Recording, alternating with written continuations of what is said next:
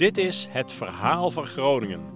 Een podcast van RTV Noord, gemaakt door J. de Vos en mijzelf, Beno Hofman. Van de rendierjagers in de ijstijd tot de gevolgen van het aardgas. Het verhaal van de geschiedenis van de provincie Groningen. In deze negende aflevering gaan we kijken naar Groninger onderwijs en kunst.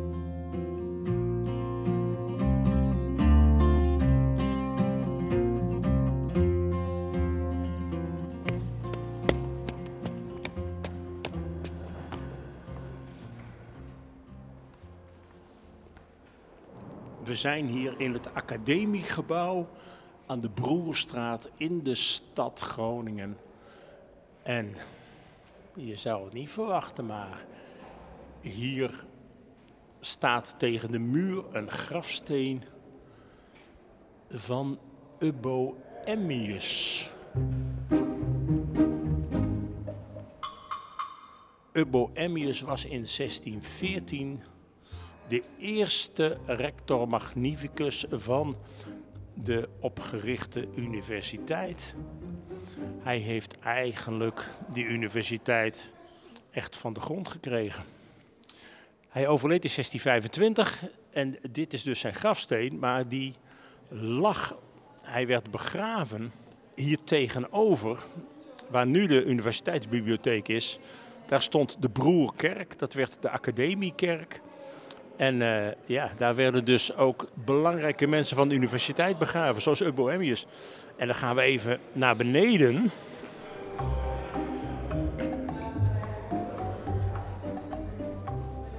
Het lijkt alsof we de kelder in gaan, maar dat is niet zo. Want voor het academiegebouw zijn we omhoog gegaan en nu komen we dus eigenlijk op de begane grond.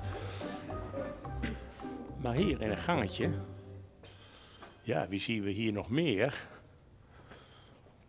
De grafsteen van Menzo Alting, hoogleraar theologie. Wie zien we hier? Matthias Passor, Henriki Alti, uh, Alting. Ja, dat, dat. Nou ja, de Altings, dat was een hele belangrijke familie qua hoogleraren ook.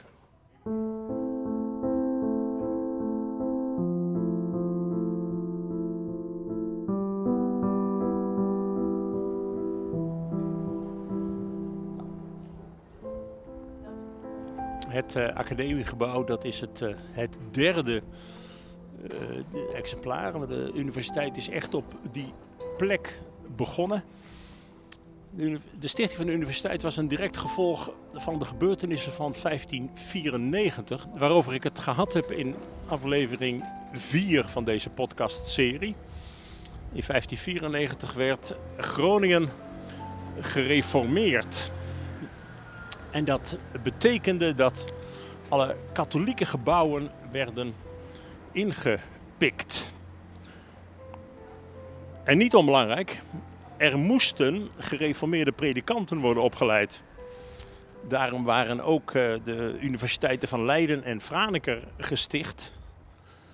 En net als hier in, in de stad gebeurde dat in ja, van oorsprong katholieke gebouwen. Wij lopen nu naar het Universiteitsmuseum. Dat is hier om de hoek in de Oude Kijk en Jatstraat. En uh, ja, dan gaan we eigenlijk weer richting uh, het complex wat hier geweest is. Een oud kloostercomplex. We hadden de Broerkerk.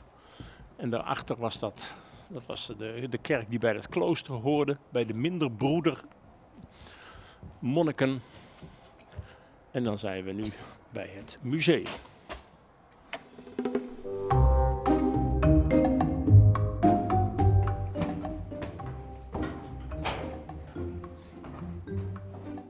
Mariska, uh, Mariska de Bonen, jij bent van het museum. Van het Universiteitsmuseum in Groningen. Daar staan wij nu. En we staan eigenlijk een beetje op het uh, deel tussen onze tijdelijke tentoonstelling en de vaste presentatie. Ja, wat, wat zie ik hier? Het is een enorme kast. Ja, dit is uh, de, de oprichting van de universiteit. Ja, met uh, daarin onder andere de enige echte oudste pedelstaf van de Rijksuniversiteit Groningen.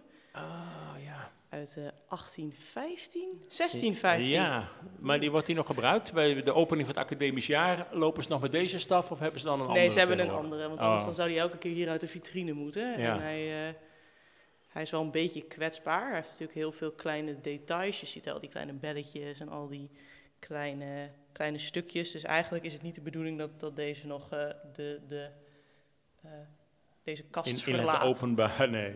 Nee, en inmiddels zijn er heel veel. Ze hebben wel meerdere, meerdere pedelstaffen. Maar uh, de bezoekers die hier komen, die zien dus dit. Dit kunnen ze in elk geval allemaal zien. En dan zien ze dat de Universiteit van, in Groningen werd op 23 augustus 1614 gesticht bij besluit van de Staten van Groningen. Ja. En ommelanden, ja. Ja, kijk, het is voor heel veel mensen, wij, zijn een universiteit, wij heten de, het Universiteitsmuseum, maar we zijn niet alleen voor mensen die aan een universiteit, of laat staan aan de Gronings Universiteit natuurlijk hebben gestudeerd. Maar bij een universiteit komen wel heel veel nou, dingen kijken, zoals bijvoorbeeld een pedelstaf, die denk ik voor heel veel mensen nou ja, ook als je wel aan de universiteit hebt gestudeerd trouwens, moet ik eerlijk zeggen, natuurlijk een heel ander soort wereldbeeld is. Dat Ja. is niet een alledaags iets dat je, dat je van die mannen met zo'n hoedje en met zo'n staf ziet rondparaderen. Ehm, dus eigenlijk in deze kast vertellen we gewoon een klein beetje hoe de universiteit is opgericht, maar ook een beetje ja, wat een universiteit eigenlijk doet. Ja.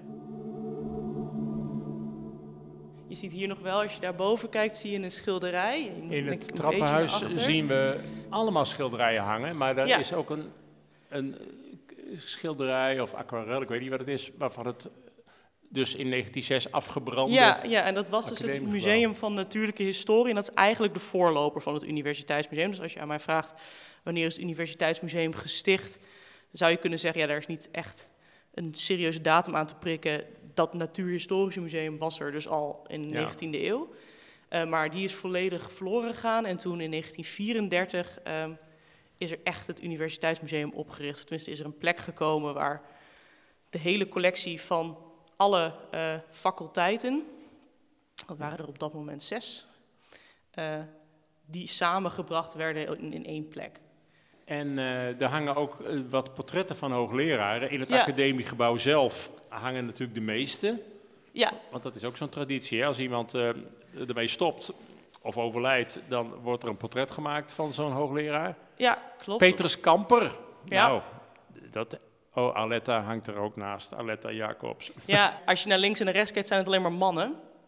Oh, daarom is Aletta dan Dus toch wel bijgegaan. eh, ja, onder, eh, onder eh, bewind van Linda en mijzelf is er toch ook wel zeker gepleit om Aletta hier ook een plekje te geven. Maar de eerste vrouwelijke hoogleraar, die heb je hier niet hangen. Tine nee, Tammers. Tine Tammers hebben wij geen mooi portret van.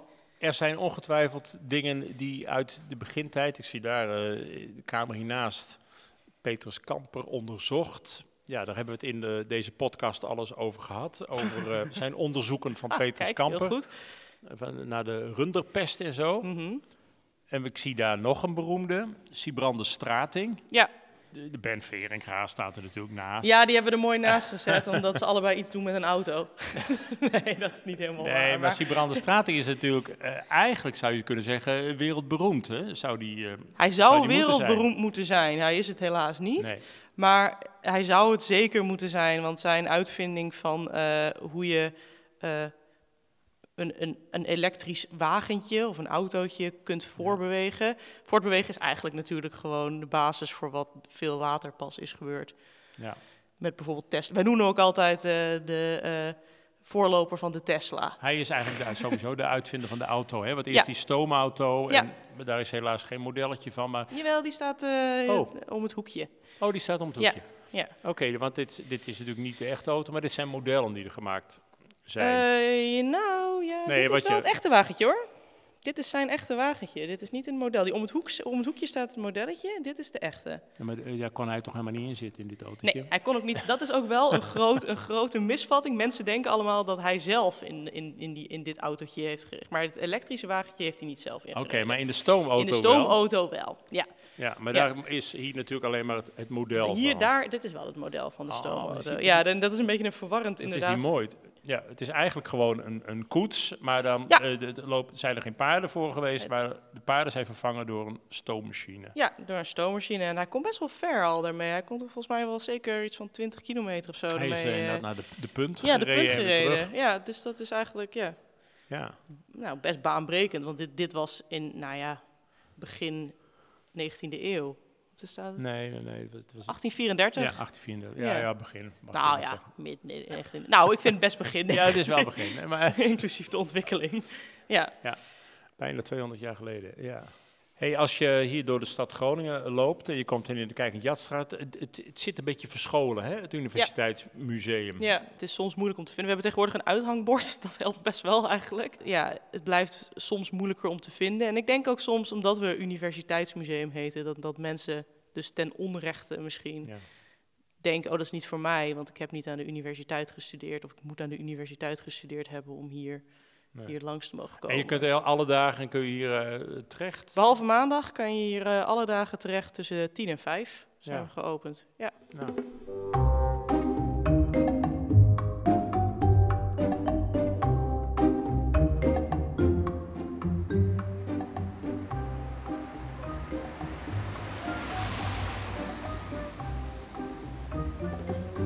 Dat, eh, dat was het Universiteitsmuseum. We lopen nu weer in de Oude Kijkertjatstraat. We lopen eh, richting Harmoniecomplex. Ja, de universiteit die eh, groeide in de loop van de tijd enorm. En vooral de laatste decennia. Die universiteit die werd in 1815 werd die Rijksuniversiteit. Voor die tijd was het van, eh, ja, van de provincie, zeg maar. Van de staat, staten van Groningen. Naast dat er eh, tegenwoordig een, eh, campus is, genoemd naar Nobelprijswinnaar Zernike, die hier in Groningen de hoogleraar was, zijn ook veel gebouwen in de binnenstad bij de universiteit in gebruik. En dat geldt onder andere voor het Harmoniecomplex. Vroeger eh, ja, een belangrijk uitgaansgebeuren. Ja, het, eh, het stikt van de fietsen in de binnenstad. Maar hier op het voorplein van de harmonie, daar staat het borstbeeld van Aletta Jacobs. Aletta Jacobs. 1854 tot 1929 de eerste vrouwelijke student in Nederland werd in 1879 dokter in de geneeskunde. Ik loop er even omheen, want daar staat dat zo op geschreven.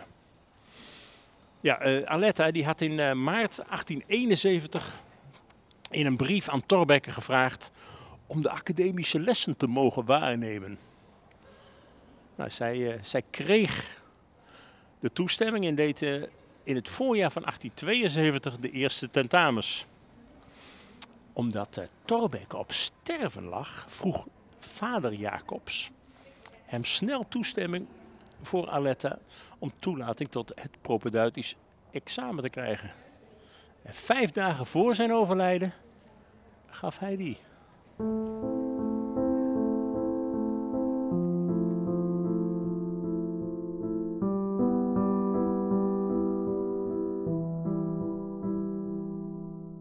Aletta Jacobs werd in Sappemeer geboren als achtste van elf kinderen van de Joodse huisarts Abraham Jacobs en zijn echtgenote Anna de Jong. Ze wilde net als haar vader en een oudere broer arts worden en begon na haar propeduizen natuurkunde aan de medicijnenstudie. In het voorjaar van 1874 haalde ze haar kandidaatsexamen.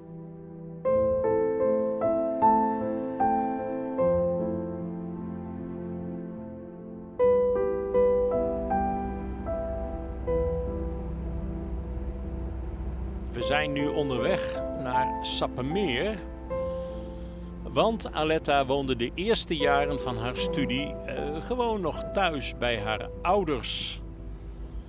En daar is het bord Sappemeer.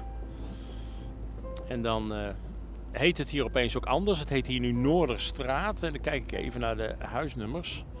Want op nummer 19, ja, daar zie ik het. Een beetje grijze gevel.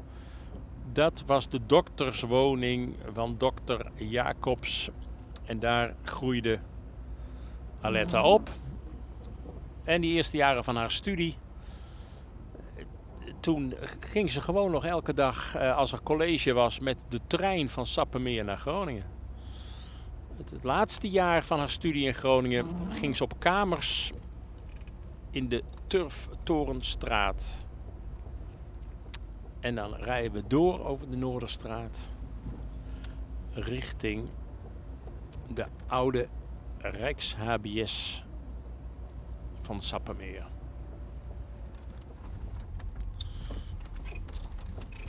Er staat een groot bord voor. Te koop te huur karakteristiek monument. Nou ja,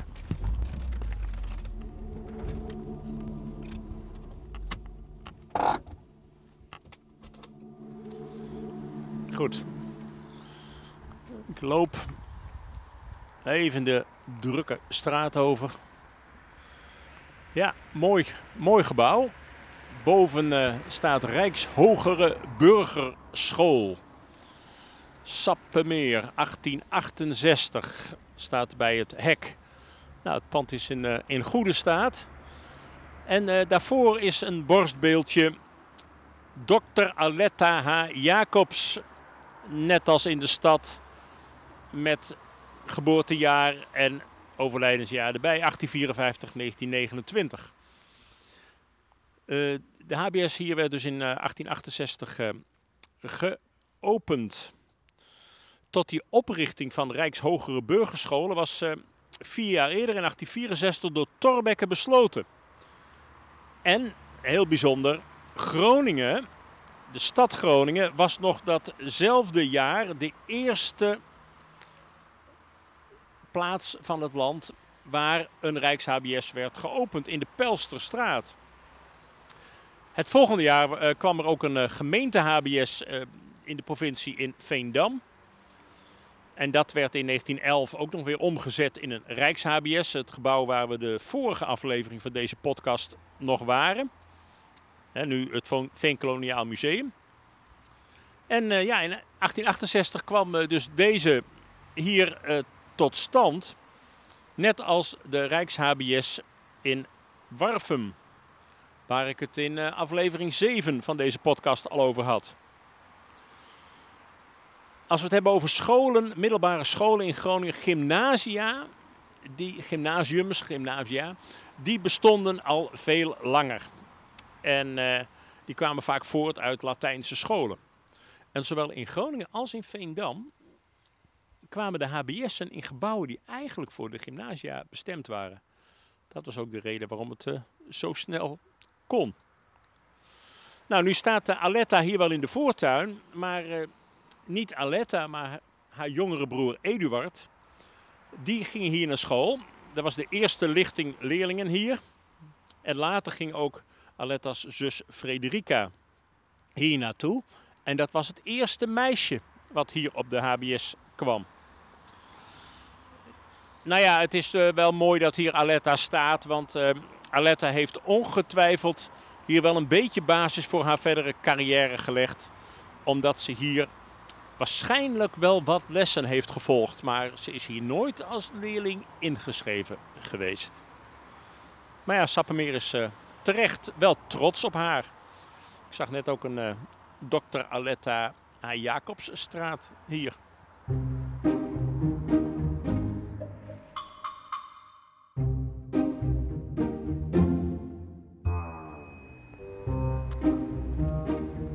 We zijn terug in de stad. Ja, in uh, deze aflevering zijn we voornamelijk in de stad. Niet dat er geen onderwijs en uh, kunst in de rest van de provincie was, uiteraard. Maar uh, ja, een aantal opvallende zaken zijn hier wel. En op dit moment bevinden we ons op het Guillauplein. En de reden daarvoor is dat hier een monument staat. En dat monument bestaat uit, ja, een, uh, omgeven door een, uh, door een hekje. Ik loop er even na naartoe, uitkijken voor de hondenpoep. Want dat ligt hier veelvuldig. hekje met, met punten. En dan is het een, een grote, ja, vierkante uh, zuil. En daar staat uh, een beeldenis op van Henri Daniel Guillot. Zijn naam staat er ook bij. Nou, met, uh, aan de andere kant met een uh, krans, een lauwerkrans. Beide kanten. Dit is uh, in 1829 opgericht en het is het oudste monument in de stad Groningen. Het werd opgericht ter ere van die Guillot die een jaar eerder was overleden. En waarom? Nou, omdat hij in 1790 het eerste Nederlandse doveninstituut had opgericht. En dat werd hier in 1807 aan dit plein gevestigd. En daarom werd ook uh, 100 jaar nadat uh, dat instituut was opgericht, werd het plein ook naar hem genoemd. Voor die tijd had het uh, de beplante Ossenmarkt geheten.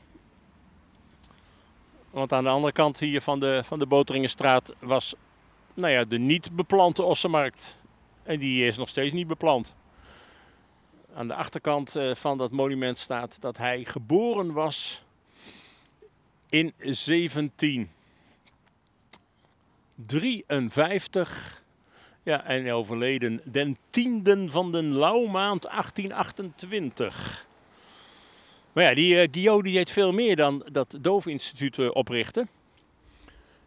Op Oudejaarsdag 1791 was hij ook een van de oprichters van het Groningse departement van de maatschappij tot nut van het algemeen.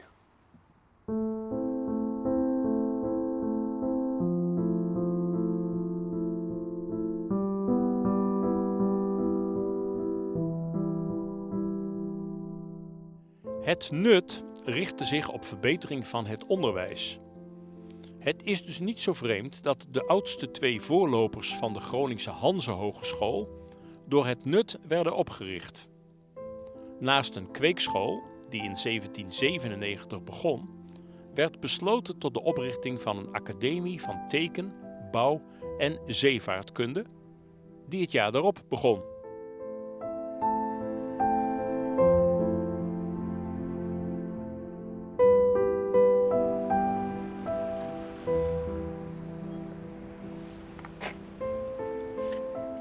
Zijn nu uh, aangekomen aan het westelijk uiteinde van het gedempte Zuiderdiep. Dat verder gaat als rijtemakers rijgen. Ooit was dat natuurlijk allemaal water. En uh, we staan dan voor een in 1984 door architect Piet Blom uh, ontworpen gebouw Academie Minerva. Want naast de zeevaartschool en de hogere technische school is ook kunstacademie Minerva voortgekomen uit die eerder genoemde academie. Het heeft op heel veel plekken in de stad gezeten. Maar ja, dus vanaf 84 zit het hier. Er is nog wat over te doen geweest, want het werd eigenlijk gebouwd midden op, uh, ja, op de straat, die er heel smal bij langs gaat. Goedemiddag. Allemaal kunst. Goedemiddag. Nou, we zijn voor een podcast bezig uh, hier en dan hebben we het over onderwijs en kunst. Wij gaan even naar. Hebben we dus inderdaad ook een kleine expositie moment. Dus misschien is dat nog leuk uh, voor de luisteraars om. Uh... Ja, want dat is het oude Groningen Museum, hè?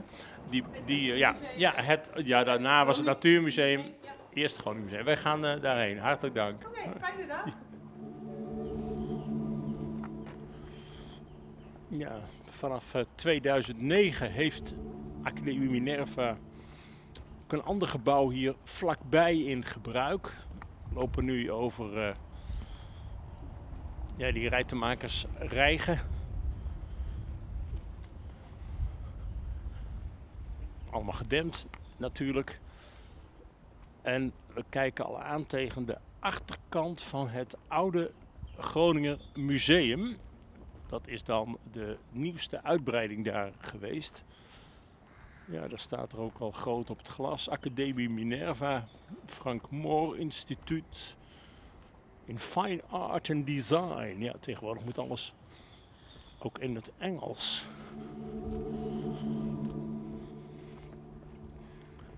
Het gebouw werd uh, ontworpen door uh, Peters. Die was uh, rijksbouwmeester, maar Groninger van geboorte. En als je er dan voor staat, het is wel mooi gerestaureerd, want boven de ingang staat nog steeds Gronings Museum. Uh, dat uh, werd in fasen gebouwd. Het linkerdeel, dus de deur, de ingangspartij en wat daar links van is, dat kwam het eerst tot stand in 1894. In uh, 1902 kwam daar dan nog een, een uitbreiding naast. En dat gebeurde ja, in dezelfde stijl. En daarachter kwam dan ook nog een vleugel uit 1907. En dan werd het in de jaren 70 nog tot een vierkant geheel gemaakt. Dat uh, Gronings Museum dat ontstond op initiatief van Rijksarchivaris Feit. Feit uh, die was zelf al een flinke verzamelaar van oudheden geweest. Dus het heette ook eerst het Museum van van oudheden. Hij, uh, hij gaf ook voor uh, kunsttentoonstellingen gaf hij, ruimte aan het in 1832 opgericht kunstlievend genootschap Pictura. Dat eerder ook al wel in Academie Minerva terecht kon. Ik ben even op zoek naar de Taco Mesdagzaal. Die ken ik niet. En die is hier wel geweest, de Taco Mesdagzaal. Oké. Okay. Maar dat is nu op geen enkele manier meer aangegeven, begrijp ik. We hebben de groene zaal. Geen idee wat de Taco Mesdagzaal geweest is? Nee.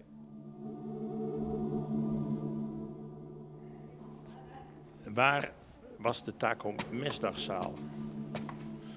Nou, nou wil het, uh, het geval dat ik ja, twintig jaar geleden hier was. Toen eh, zat hier het Natuurmuseum in dit gebouw. En toen heb ik een uh, televisieprogramma gemaakt. Beno Stad heette dat. Een hele serie over uh, de geschiedenis van Groningen. En daar heb ik een aflevering gewijd aan Taco Mesdag en Geesje van Kalkar. En ja, ik herinner me dat ik toen die zaal gevonden heb. Even kijken. Ah. Dit is de zaal die door Geesje werd ingericht met de geschonken olieverfschilderijen. En in februari 1903 werd die geopend, de Taco Mesdagzaal. Nou, er is uh, nu helemaal niks meer van te zien. Het is nu de bibliotheek van het Natuurmuseum. Het enige wat eigenlijk nog origineel is, dat is het plafond. Met uitzondering dan van de lichtkoepel die hier zat, die is verdwenen. Ja, dat is grappig, want dit is inderdaad dan de zaal. We, we zijn er nu, maar de lichtkoepel is uh, hersteld duidelijk.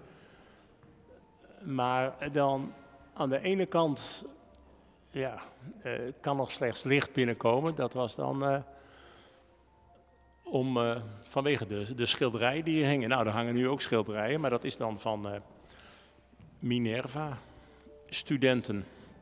Toch jammer dat die naam Taco Mesdagzaal hier niet op een of andere wijze meer uh, aanwezig is. Stukje belangrijker Groninger geschiedenis.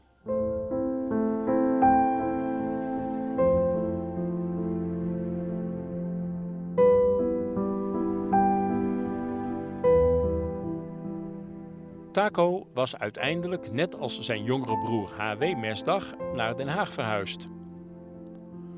Ook hun beide echtgenotes, de ook in de provincie geboren Geesje van Kalkar en Sientje van Houten, waren kunstschilders.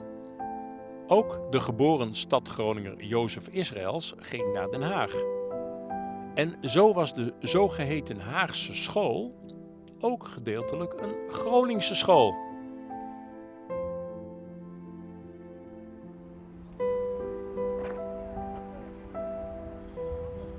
Lopen nu naar het huidige Groninger Museum, een icoon van de stad. 1994 dus eh, de vervanger van het oude, waar we net waren. Over het eh, bruggetje wat erbij hoort.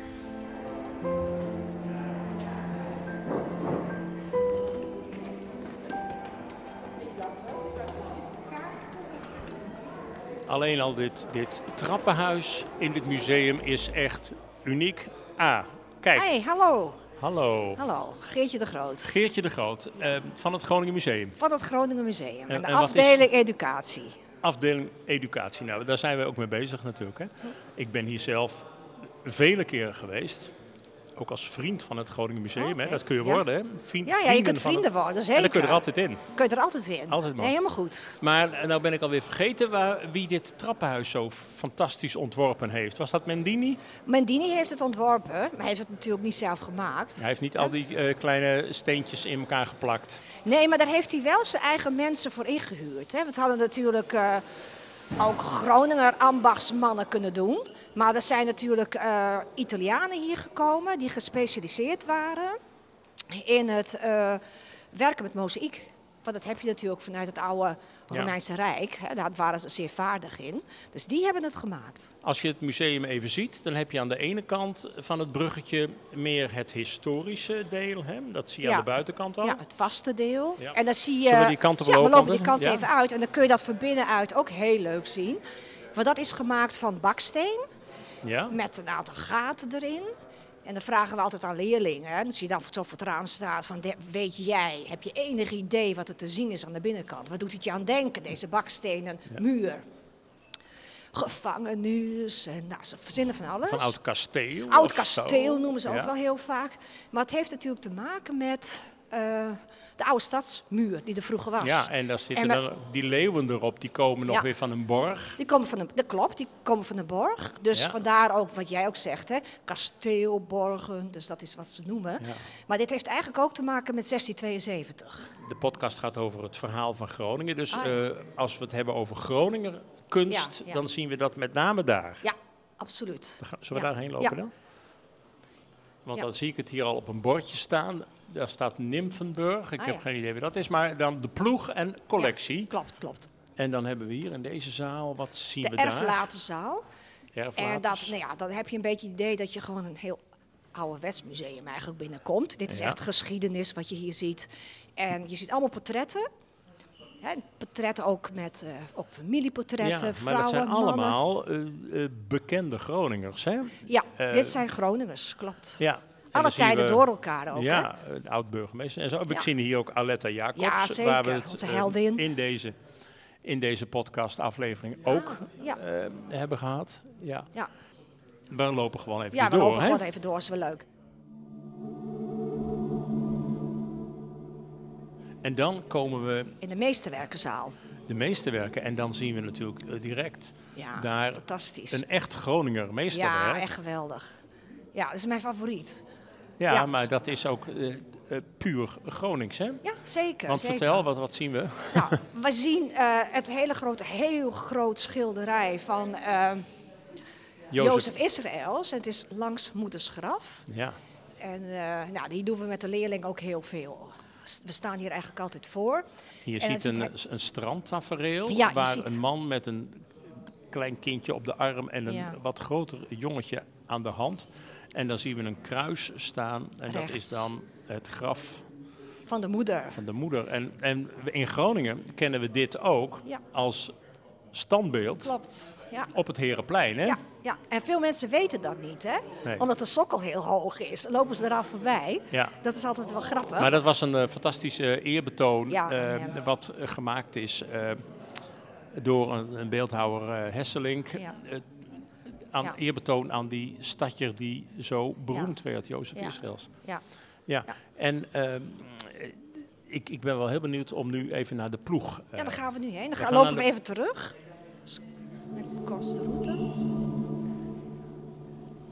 Ja, kort gezegd even de, de ploeg, dat hebben jullie hier ook aan de muur hangen. Ja. In 1918 neemt een aantal jonge Groninger kunstenaars het initiatief tot de oprichting van kunstkring De Ploeg. De naam van de vereniging was zorgvuldig gekozen. Het kunstleven in Groningen was als een braakliggend stuk grond enzovoorts. Ja. Er waren natuurlijk al Groninger kunstenaars van voor die tijd, zeker. waarvan jullie hier ook dingen hebben. Maar toen ineens waren er ja, verschillende kunstenaars. Ik zie hier al Jan Altink, George Martens, Alida Pot natuurlijk, zijn vrouw. ja, Alida Pot, Job Hansen en, en dit grote schilderij, Johan Dijkstra. Ja. Ja, wat zien, wat zien we op dit Nou, grote schilderij? Ja, dat is wel grappig dat net deze hier, Russel de Zichters. Nou, die is niet specifiek in het Gronings expressionisme geschilderd, niet in die stijl, maar meer in de stijl van Van Gogh. Want ze hebben natuurlijk de Van Gogh tentoonstelling, hebben al deze ploegleden gezien. Dat was al vroeg, dat was al eh, begin eh, van de 20e eeuw. Hebben zij Ja, die was in Groningen. Hè? die was in Groningen. Ja. Die, was, in- die hebben ze allemaal gezien. En ze waren diep onder de indruk. En je ziet ook dat het kleurgebruik en ook de stijl, die, hè, die korte, korte perceelstreken, dat dat gewoon, eh, heeft hij gewoon afgekeken van Van Gogh. En dat zie je eigenlijk ook op het schilderij wat, daar, wat daarnaast hangt. Ja, ook. Ook Ja. van Johan Dijkstra. Ja, En dat is natuurlijk ook een heel erg Gronings beeld. Het kerkje te oosten. ja, kijk je toch. En de, afgraving van die terp zie je ook. Hè? Het kerkje valt bijna. Wierde, hè, moet je zeggen. In het Groningen. Oh, eigenlijk is de naam en we- Wierde. Ja, is waar. Ik ben Terp Fries, hè? Ik oh, ben jij bent Fries. Oké. Ah, Oké, nou, maar ik wil het wel zeggen. We Ik wil het door. wel zeggen hoor, Wierde. Ja, klopt. Zeker. Nou, we, we zouden al een hele podcast kunnen wijden aan ehm, de ploeg. Eh, maar eh, we laten het eh, hierbij. Oké.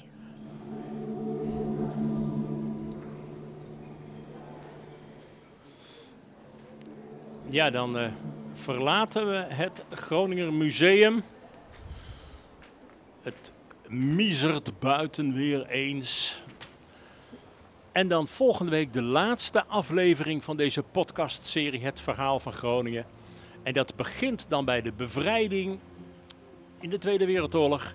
En het eindigt bij de aardbevingen waar Groningen nog altijd gebukt onder gaat.